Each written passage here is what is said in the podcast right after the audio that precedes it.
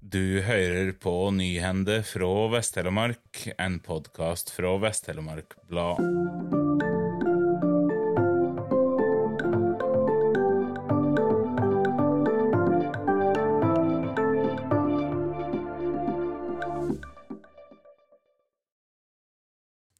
Hans Olav Ulvenes har overtatt gården Ulvenes av besteforeldrene sine og skal flytte dit til sommeren med familien. Han søker derfor Seljord kommune om fiber til eiendommen. Saka skal til handsaming i formannskapet torsdag.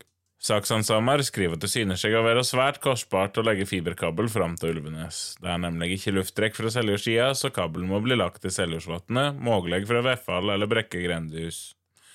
VTK AS anslår dette til å koste nesten 400 000 kroner, men legger til at det er et overslag og ikke detaljprosjektert.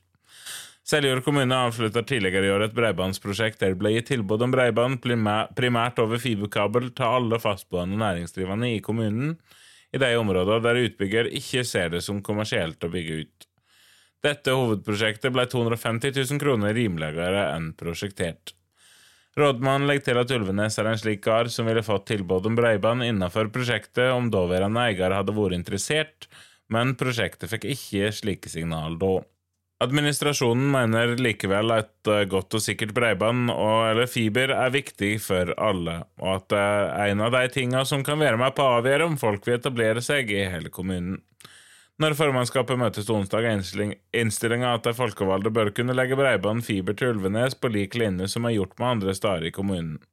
Politikerne ble oppmannet om å løyve inntil 400 000 kroner henta fra disposisjonsfondet.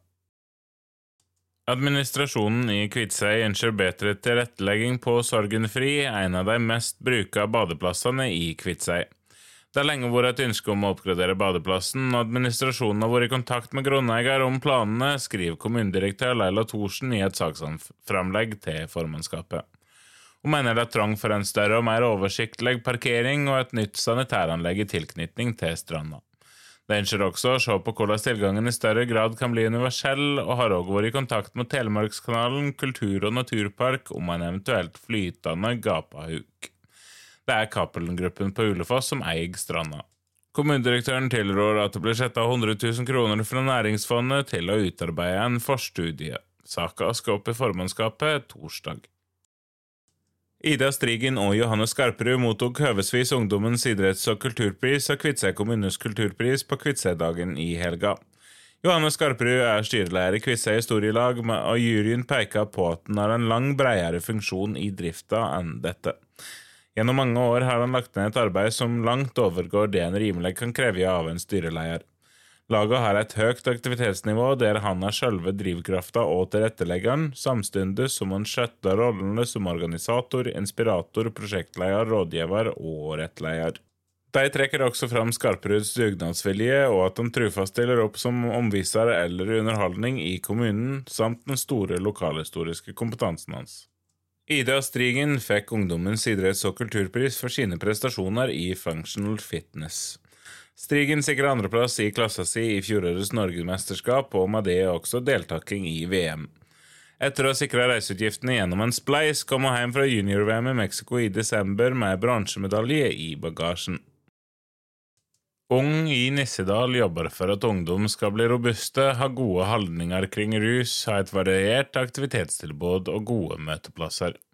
For tredje år på rad ble det arrangert sommeraktiviteter for ungdom i Nissedal i godt samarbeid med ulike lag og foreninger. På alle arrangementer var det gratis mat og drikke, og det var lagt til rette for transport. Om lag 370 ungdommer fikk med seg konserter, fotballturnering, paintball og Tarzan-slynge i løpet av sommeren. Tusen takk for at du hørte på. Denne sendinga var produsert og presentert av Aslak Kringhus for Vest-Telemark Blad, og musikken er laga av Symre Taugbølbang.